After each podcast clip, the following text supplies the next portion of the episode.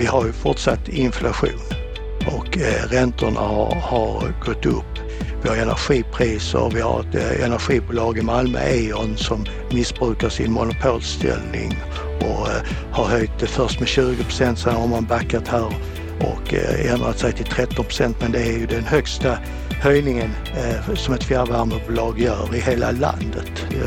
I andra städer ligger det mellan 2 och som högst 8 procent. Vattnet har gått upp i Malmö med 25 procent. Allt detta sammantaget gör att vi har påkallat en förhandling för att diskutera det här med Hyresgästföreningen. För att eh, eh, det här handlar ju om att vi vill ha en bibehållen eh, kvalitet och service till våra hyresgäster. Och vi vill prata med våra hyresgästers representanter i första hand om hur vi kan lösa den här situationen. Ja, det är ett tufft läge på marknaden för många fastighetsägare. Kraftigt höjda kostnader som inte riktigt blir kompenserade genom hyreshöjningarna. Här hörde du Olof Andersson, VD på Trianon som är ett av sex bolag i Malmö som har påkallat en ny hyresförhandling för att höja hyrorna fler gånger per år. De vill ha 2% till nu i början på juli. Hör honom berätta varför hur han kom in i fastighetsbranschen, vad han egentligen tycker är deras ansvar när det gäller den sociala hållbarheten. Ja, det här är ett avsnitt som innefattar mycket.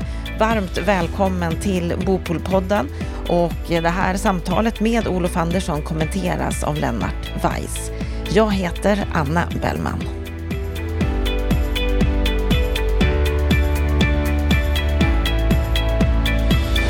Han är en av dem som har valt att kalla till en ny hyresförhandling nu i vår och vi ska självklart prata om det, men också om entreprenörsstoryn och synen på det tuffa marknadsläget, finansieringsläget, konjunkturen och framtiden.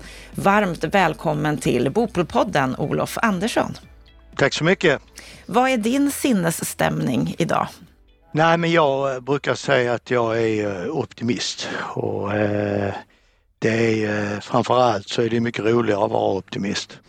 Det blir roligare. Trots att läget kanske är lite tufft just nu på marknaden. Vi ska återkomma till, till just det. Du Olof, du är VD för Trianon, fastighetsbolag i Malmö med omnejd. Du benämns som grönsakshandlaren som sadlade om och blev fastighetsmiljardär. Är det en korrekt beskrivning av dig? Ja, att jag har en bakgrund i frukt och grönsaksbranschen, det är en korrekt beskrivning.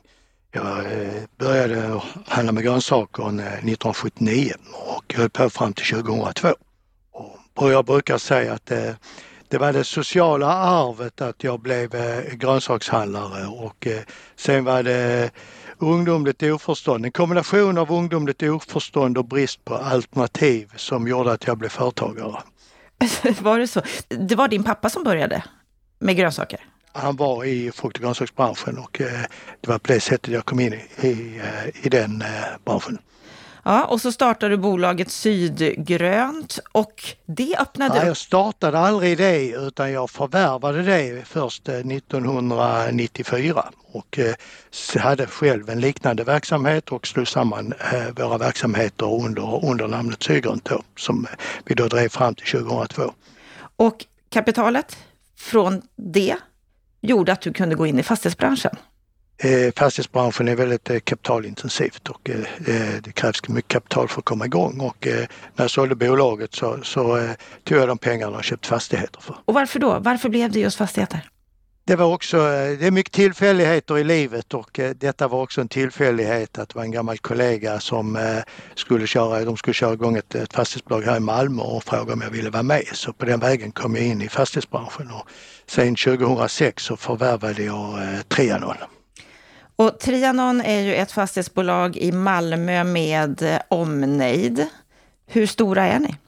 Vi har ett fastighetsvärde som eh, eh, bestånd som är värderat till eh, 13 miljarder och vi har 5000 lägenheter. 74 procent av vårt fastighetsvärde är bostäder och 11 procent är samhällsfastigheter och 15 procent är kommersiella fastigheter med tyngdpunkt på bostadsnära handel. Och hur kommer det sig att, att, att ni har den här fördelningen med, med så pass mycket bostäder, samhällsfastigheter och, och lokaler? Alltså fördelningen har ju inte varit hugget i sten från början utan men vi har ju satsat på bostäder för vi tycker det är säkra intäkter. Och hur ser, låg risk. Hur ser strategin ut framåt när det gäller ert bestånd? Nej, men vi fortsätter att, arbeta som med en stor andel bostäder i, i, i vårt bestånd. Det kommer vi fortsätta med. Vi eh, tror ju att eh, framför allt i, på en plats som Malmö som har vuxit eh, 34 år i rad och vi är nu 357 000 invånare och planerar, staden planerar för att bli en stad för 500 000 invånare 2047. Och då kommer vi att behöva eh, över 80 000 nya bostäder. Och, eh, så att eh, vi ser ju att eh, eh, bostadsbristen, tillväxten i Malmö, segmentet är rätt, platsen är rätt. Och tänker ni fortsätta koncentrera er kring Malmö eller finns det planer på att gå in på andra ja, Vi tog beslut för några år sedan att vi även investerar i kranskommunerna och eh, det kommer vi att fortsätta med men inte i hur många kommuner som helst. Så ni koncentrerar er kring, kring Malmö. Vad skulle du säga är utmaningen med, med Malmö? Ja men ut, en av Malmös utmaningar det är ju att eh, vi eh, har låga inkomster i Malmö. Vi har bara 85 procent utav eh, genomsnittsinkomsten i landet och det är ju lågt för att vara en, eh, en storstad och eh, det är klart att eh, betalningsförmågan är ju, är ju eh, en begränsning här.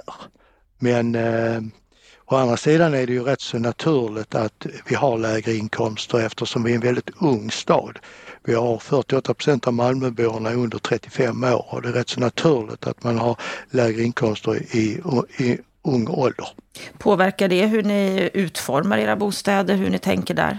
Ja men vi måste ju förhålla oss till detta. Det måste vi förhålla oss till så att vi, vi kan leverera en produkt som kan efterfrågas och så Malmöbor långsiktigt kan bo hos oss. Så det innebär ju att när vi renoverar lägenheter så gör vi det så att vi inte standardhöjer dem för mycket så att vi fortfarande har rimliga hyror. Och när vi producerar nya bostäder så har vi ju gjort det. Nu har det tyvärr försvunnit investeringsstöd men vi har gjort det med investeringsstöd, har ett väldigt fokus på att ha rimliga hyror så vi kan få långsiktiga hyresgäster. Och hur påverkar det er att investeringsstödet har försvunnit? Ja, det påverkar oss att eh, en, eh, en del av våra projekt blir ju lite mer utmanande att genomföra. Det finns ju alternativ. Vi kan ju även eh, bygga det som BRF och därmed kunna ta hem affären på det. Och marknadsläget som det ser ut just nu, när vi har det här speciella läget med hög inflation, höga råvarupriser. Ja, Ja, men det som händer just nu är ju att eh, det startas inga nya projekt. Och eh, vi, vi eh, slutför de projekten vi har igång. Vi har 400 lägenheter i produktion och de slutförs. Vi har fasta priser på dem och det är också beviljat investeringsstöd på dem. Och, och eh, sen eh, avvaktar vi lägre byggkostnader vilket eh, sannolikt blir här framöver för att eh, det är ju ändå så att råvarupriserna har ju börjat gå neråt. Energipriserna har börjat gå neråt och, och eh, kapaciteten i byggindustrin eh, kommer ju komma till en nivå när eh, man eh, kan få ner priserna. Och, och det tror vi kommer ske här inom ett år. Så inom ett år tror ni att, att, att ni är igång igen och, och producerar. På vilken nivå då? Ja men eh, vi har ju en eh, stor eh, byggrättsportfölj och exakt vilka projekt som ligger ligger i pipen först här det får vi utvärdera. Eh, men alltså eh, vi avvaktar till vi får lägre priser helt enkelt. Mm. Ni är ju ett fastighetsbolag i Malmö, ett av sex fastighetsbolag som har påkallat extra hyresförhandlingar i Malmö. Ni vill ha 2% ytterligare från och med juli. Varför gör ni det här? Ja, men först och främst så, så handlar det här ju om att eh, eh vi står ju inför, eh, eh, vi har ju fortsatt inflation och eh, räntorna har, har, gått upp. Vi har energipriser, vi har ett eh, energibolag i Malmö, E.ON, som missbrukar sin monopolställning och eh, har höjt det först med 20 procent, sen har man backat här och eh, ändrat sig till 13 procent men det är ju den högsta höjningen eh, som ett fjärrvärmebolag gör i hela landet. Eh, I andra städer ligger det mellan 2 och som högst 8 procent. Vattnet har gått upp i Malmö med 25 procent. Allt detta sammantaget gör att vi har påkallat en förhandling för att diskutera det här med Hyresgästföreningen. För att eh, eh, det här handlar ju om att vi vill ha en bibehållen eh, kvalitet och service till våra hyresgäster. Och vi vill prata med våra hyresgästers representanter i första hand om hur hur vi kan lösa den här situationen. Vi står inför, oavsett stora hyreshöjningar här vid årsskiftet. Vi vill dela upp det här. Vi vill ta det i ett antal omgångar, inte bara nu och, och vid årsskiftet utan även framöver. Att den här eh, hyreshöjningarna vi står inför ska fördelas över en eh, lite längre period. Och eh, oavsett utfall av de här diskussionerna så kommer vi ju aldrig bli kompenserade fullt ut för de kostnadsökningar vi har fått. Och jämför vi det här boendet, hyresrätten, om vi tar en trerumslägenhet som kostar ungefär 8000 kronor så fick man en hyreshöjning vid årsskiftet på 400 kronor. Om liknande lägenhet med de snittpriser vi har i Malmö hade varit en bostadsrätt så hade eh, den bostadsrättsinnehavaren bara, med, bara på grund av ränteökningarna fått en ökning på eh, ungefär 2500 kronor i månaden. Hyresrätten, boende i hyresrätt är oavsett den, de stora vinnarna i detta.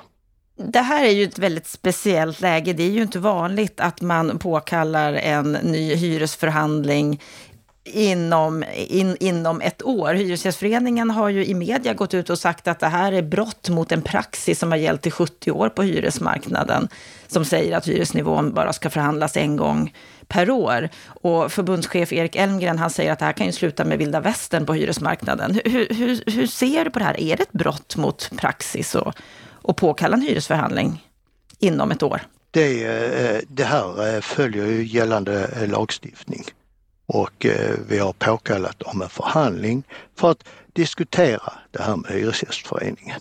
Och precis som du sa, vi har en mycket exceptionell situation. Och eh, vad som, eh, om det här är praxis, eh, är det lag eller praxis vi ska eh, begagna oss utav? Vad har ni fått för respons från Hyresgästföreningen? Vad har de sagt till er? Ja, vi har bara haft ett inledande samtal, vi har inte inlett någon förhandling än. Och, och där har vi framfört det jag har sagt här och nu. Och att eh, eh vi vill eh, inte att våra hyresgäster ska få en för stor hyreshöjning här vid årsskiftet. Utan vi vill dela upp det här vid ett antal tillfällen. Och att vi är helt övertygade om att vi över tid inte kommer att få någon högre hyreshöjning än något annat bolag. När kommer ni börja förhandla? Vi kommer väl att inleda förhandlingar, det är inte bestämt några datum för det. Kan det vara så att Hyresgästföreningen väljer att inte gå med på en förhandling? Hyresgästföreningen är ju skyldiga enligt lag att förhandla. Sen eh, kan man ju alltid säga nej till saker och ting i den förhandlingen. Den möjligheten finns. Och, och vad händer om det är någon hyresgäst som överklagar höjningen? Kan det hända att det, att det avgörs i hyresnämnden? Nej men alltså om vi inte kommer överens med Hyresgästföreningen så, så får vi ju då utvärdera den situationen vi är i och eh, då har vi en möjlighet kvar, det är att förhandla direkt med hyresgästerna. Antingen komma överens eller då hänskjuta ärendet till hyresnämnden. Det, det är så det fungerar. Men dit eh, hoppas vi ju inte att vi ska komma utan vi, eh, jag utgår ifrån att vi tillsammans med Hyresgästföreningen kan hantera den här situationen på ett ansvarsfullt sätt. Så vad är det du, du tror att det kommer landa i? Kommer det landa i 2% höjning vid, vid början på juli här? Om vi ska prata hur förhandlingar har utfall utifrån tidigare förhandlingar så har det aldrig hänt att fastighetsägaren har fått som man har velat i någon förhandling med Hyresgästföreningen. Så vad är, vad är det du ser minimum? Vad är, vad är det ni skulle kunna gå med på? Nej, alltså jag, jag tänker inte föregripa de här diskussionerna. Nu ska vi prata med Hyresgästföreningen om det här och eh, sen får vi återkomma hur utfallet av de förhandlingarna eh, blir. Hur ser du på det hyresförhandlingssystem som vi har i Sverige?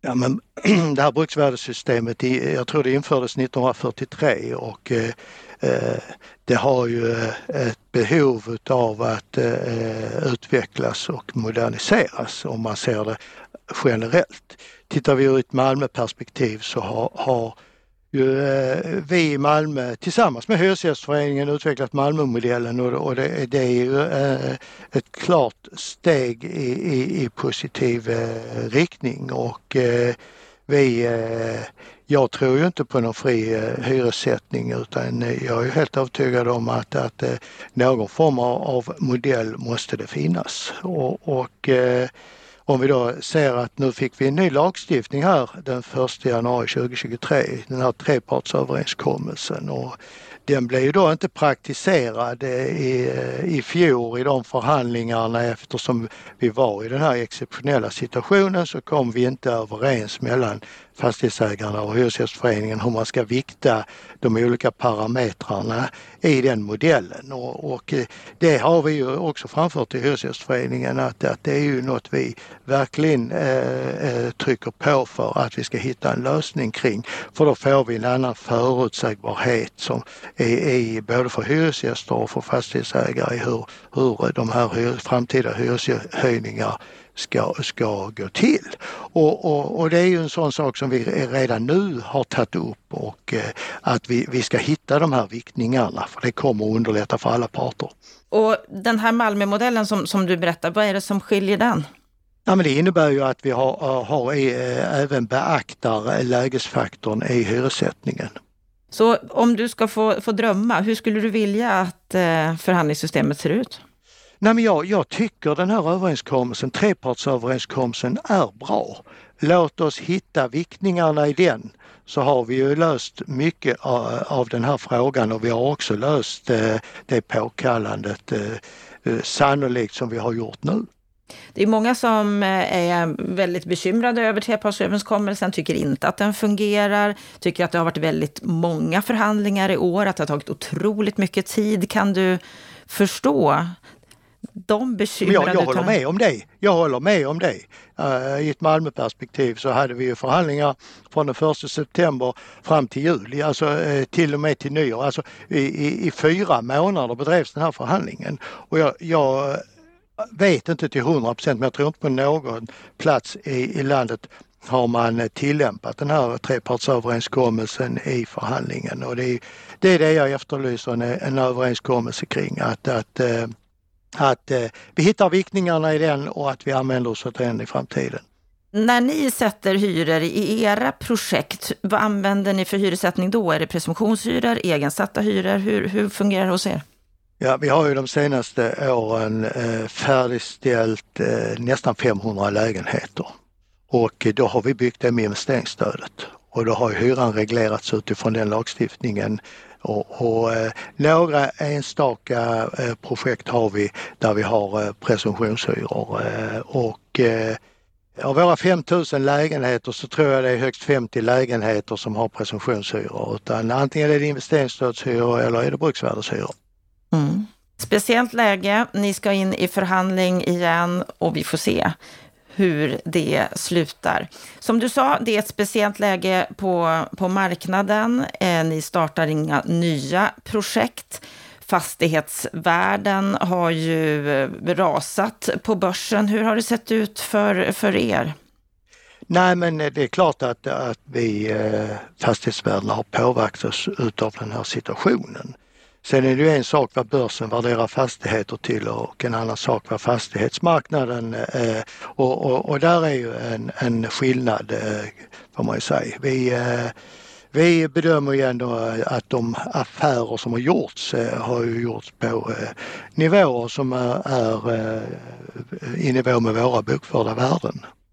Hur mycket har, eh, som du ser era värden sjunkit? Ja, vi gjorde en nedskrivning här vid årsskiftet på, på 400 eh, miljoner på vårt fastighetsbestånd, vilket då motsvarar ungefär 3% Och eh, just nu så eh, ser vi inte någon ytterligare bedömer jag inte att det är någon stora ytterligare nedskrivningar som kommer att behöva göras. Hur ser du på fastighetsbolags värdering på börsen? Nej men rent, eh, det, vi, är, vi är ett noterat bolag och eh, jag eh, kommenterar inte vår eh, börskurs. Jag kan bara konstatera att eh, det är en diskrepans mellan hur, hur börsen värderar fastigheter och hur fastighetsmarknaden värderar fastigheter för närvarande. Om man tittar på er så har ni en hybridobligation, i övrigt bankfinansiering. Hur, hur tänker du kring obligationsfinansiering? Ja, vi har ju en hybridobligation som vi eh, gav ut, eh, vi finansierade om en tidigare hållbar hybridobligation här i, i november månad på 500 miljoner och eh, den eh, eh, var ju vi som huvudägare med och tog till 65 procent. Så att det, den är ju väldigt stabil när det ska omfinansieras en gång i framtiden så eh, är, är, är det ju inga eh, större risker utan att vi kommer att vara med i den omfinansieringen. Sen har vi en seniorobligation som förfaller här i augusti månad och den har vi redan kommunicerat till marknaden att, att eh, den har vi eh, finansierat i bank och vi har redan börjat att lösa in en del av den obligationen. Och efter det så är vi bankfinansierade till, till 100% Hur ser du allmänt på problematiken kring obligationer? Kan bankerna ta över finansiering till vettiga villkor? Hur, hur tänker du kring det här? Jag, jag bedömer att, att eh, bankerna kommer att klara kunna ta över den här obligationsfinansieringen. Och sen tror jag ju att obligationsmarknaden kommer att komma igång igen så småningom. Mm. Så att eh, eh den eh, finansieringsfrågan eh, oroar inte mig så mycket. Vad är det som oroar dig? Nej men det, det, är väl klart att, att, priset på pengar i form av räntan har, har ju gått upp ju och det påverkar ju oss med, eh, som innebär att, att eh, det blir ett lägre resultat. Vad tror du om eh, ränteutvecklingen framåt? Ja, det är svårt att, att, att förutse den här situationen, eh, vad som kommer att hända framåt här. Att eh, kommer inflationen, att inflationen kommer att gå ner, det är jag rätt så övertygad om. Och, men eh, till vilken nivå det är, ju, är, ju, är ju den stora frågan ju. och eh, eh det där eh, får framtiden utvisa. Antingen så beter sig inflationen som den har gjort under tidigare krig eh, första världskriget, andra världskriget, Koreakriget, då gick inflationen upp kraftigt. Sen gick den rätt ner igen och var tillbaka till och med på gränsen till deflation. Eller så, så biter sig inflationen fast och då får vi leva med lite högre räntor här framöver. Det är väl de två scenarierna som man kan se framför sig. Och det är ju vissa som påstår att nu, eller som tror, eh, siar framåt, att, att vi står inför en riktig kollaps på, på bostadsmarknaden. Att det kommer inte ens att vända inom ett år som du trodde här tidigare om det är så att det slår in, att, att, att vi ser en, en framtid där, där det faktiskt inte kommer att gå att byggstarta inom överskådlig tid. Hur, hur långt klarar ni er? Ja men vi är ju inte beroende av vår projektutveckling och, och bygga nya hus utan vi har ju ett fastighetsbestånd som, som vi äger och förvaltar och utvecklar och investerar i både när det gäller renoveringar och renoveringar av lägenheter och energieffektivisering. Så att, eh, och vi har en väldigt liten projektorganisation. Så att eh, vi är ju inte beroende av att bygga nya hus. Så för vår del så, det som, eh, om, om det blir ett faktum att vi, vi inte kommer att bygga någon mer bostäder här framöver under, under en längre tid ju, så kommer det ju bara öka på bostadsbristen och eh, vi kommer ju ha fullt uthyrt ändå. Och om det är så att ni inte kan hyreshöja i den nivån som, som, som ni vill, som du säger, det, det är höga energipriser, högre vattenpriser, alltså kostnaderna har, har verkligen gått upp. Kommer det påverka kvaliteten på ert bestånd? Ja, alltså inte i det korta perspektivet men om, om vi i, i ett längre perspektiv inte blir eh, kompenserade för kostnadsutvecklingen i, i samhället i övrigt så är det klart att det kommer påverka. När jag läser på om er så är det ju väldigt tydligt att du som entreprenör, du, du drivs av viljan att förändra. Du menar att som fastighetsägare, som hyresvärd, så ska man ta ett större ansvar, inte bara för sina fastigheter utan också för sina hyresgäster. Vad, vad menar du med det? Nej, men det är klart att vi har ju jobbat med, med de här frågorna när det gäller den sociala hållbarheten i, i våra hus i väldigt många år. Det är ju framförallt i de områdena i Malmö som har haft eh, och har lite utmaningar med bland annat då, eh, hög arbetslöshet och, och där har vi ju eh, den sociala hållbarheten är, ju att man ska ha ett jobb och vara en del av samhället och man ska ha en bra bostad och det ska finnas bra skolor runt omkring och bra fritidssysselsättning för barn. Och det vi då har satsat på det är ju att dels renoverar vi upp husen och renoverar lägenheterna och räknar baklänges utifrån minimilönerna. Vad är en rimlig hyra? Och eh, eh sen satsar vi på jobbskapande. Vi har 13 medarbetare i Trenen som bor i våra områden. Vi har ett nytt jobbprojekt nu där vi anställer arbetslösa i våra områden. Vi, har, vi hade 32 ungdomar eh, som eh, fick sommarjobb hos oss i, i eh, somras. Och sen har vi också satsat på en stiftelse tillsammans med MKB, det kommunala bolaget här i Malmö där vi, Trianon och eh, MKB och Trianons huvudägare har satsat 42 miljoner enbart för, fokuserat på fritids, eh, meningsfull fritidssysselsättning för barn och unga på Rosengård, Lindängen, Hermodsdal och eh, Nydala. Och eh, jag tror det var 22 000 som var i aktivitetstillfällen under 2022. Så att eh, vi jobbar ju med de här frågorna. Mm, och väldigt aktivt.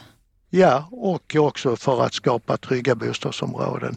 Och vi har också finansierat oss nu där, eh, där, där vårt arbete ute i våra områden eh, är kopplade till vår finansiering i, i vissa av bankerna där vi då får lägre ränta om vi levererar på de här målen.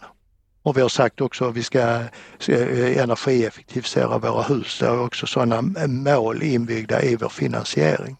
Precis som du, du radar upp en massa exempel på vad man kan göra. Det känns som att ni som fastighetsbolag, ni tar ett lite större ansvar än vad man kanske förväntar sig av ett fastighetsbolag.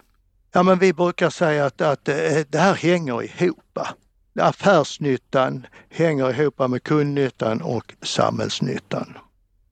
Utmaningarna i samhället är ju fortsatt stora. Det är många människor som behöver stöd, hjälp. Den sociala hållbarheten är, är viktig. Vad ser du när det gäller kommunens roll, politikernas roll? Vad, vad borde de göra mer?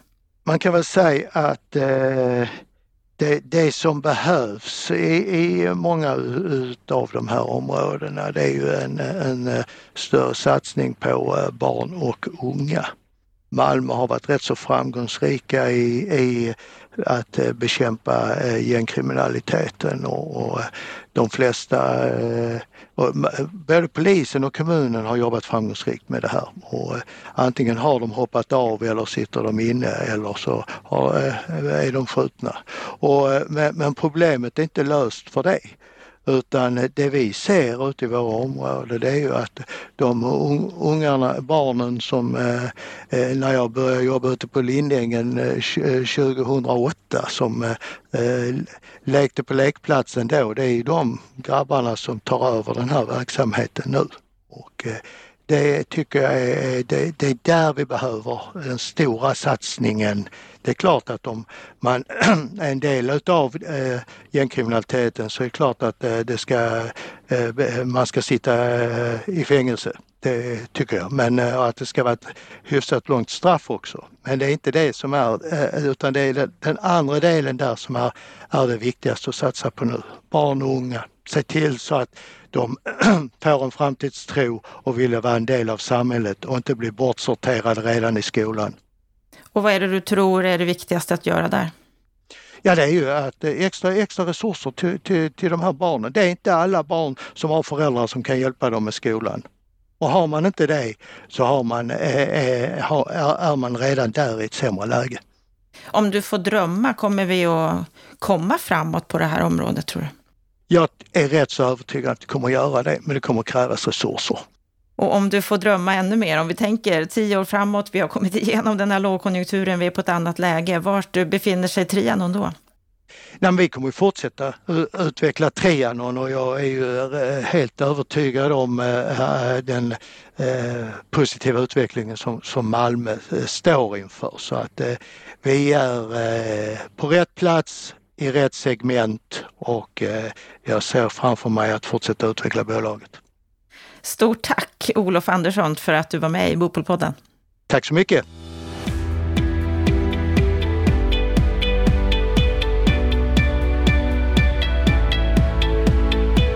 Då har vi hört samtalet med Olof Andersson. Ja, Lennart Weiss, när du hör det här samtalet, vad tänker du då? Ja, det är en väldigt sympatisk person, en, en eh, samhällsentreprenör i sin bästa bemärkelse. Stort engagemang för sina fastigheter såklart, men eh, även samhället, eh, sina hyresgäster. Han talar om kundnytta, affärsnytta, samhällsnytta som en treenighet som måste hänga ihop. Och, och jag gillar ju liksom hela angreppssättet på, på sin verksamhet och även hur han analyserar sambanden i det ganska komplexa skeende som vi har just nu. Så att eh, eh, det, var ett, det, var ett, det var ett mysigt samtal att lyssna på på det sättet.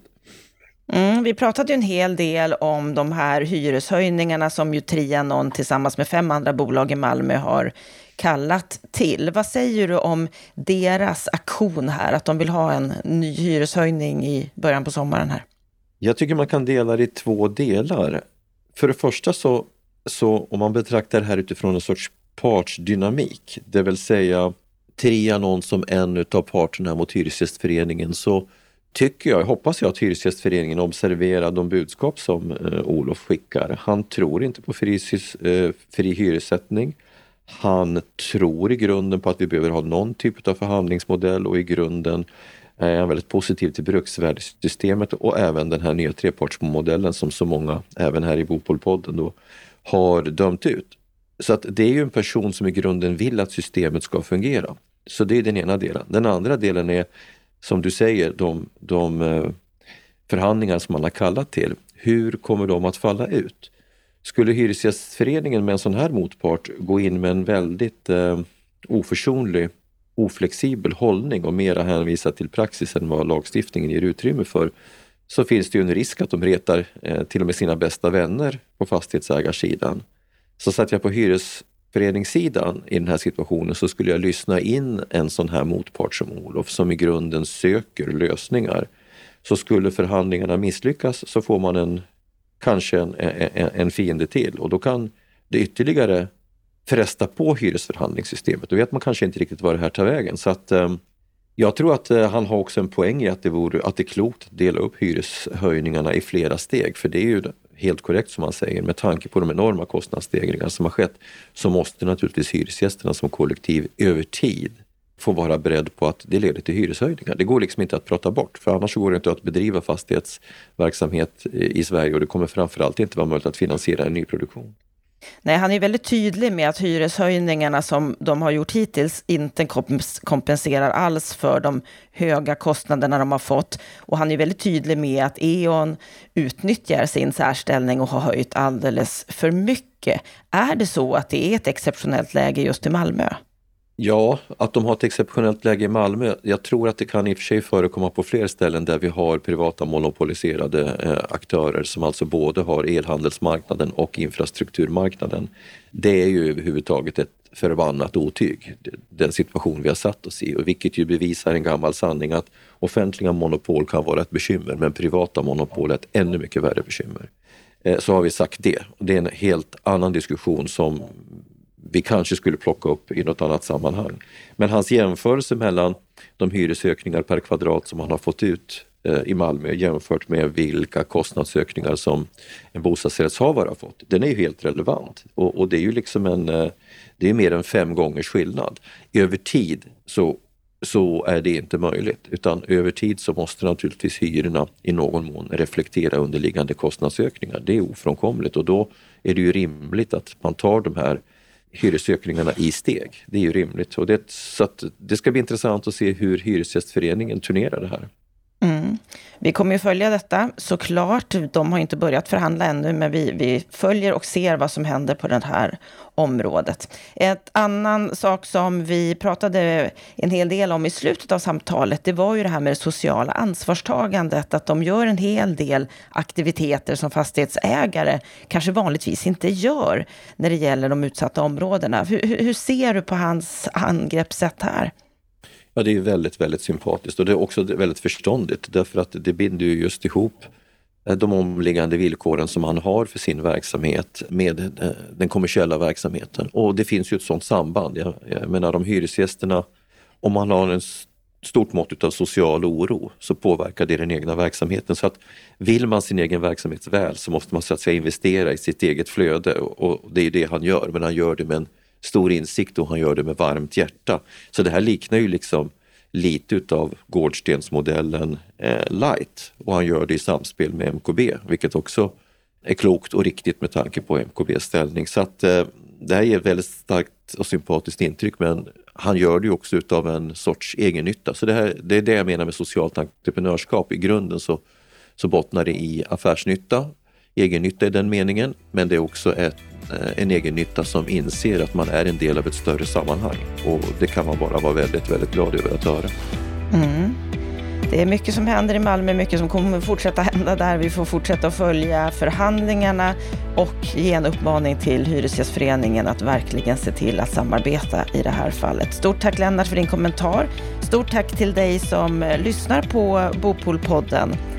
På fredag då är vi tillbaka igen med veckans Aktuellt, det senaste som har hänt under veckan. Och innan dess så kommer vi ut med ett nyhetsbrev. Tisdagar och fredagar, då kan du få vårt nyhetsbrev till din mejlkorg. Så gå in på bostadspolitik.se och se till att du prenumererar där.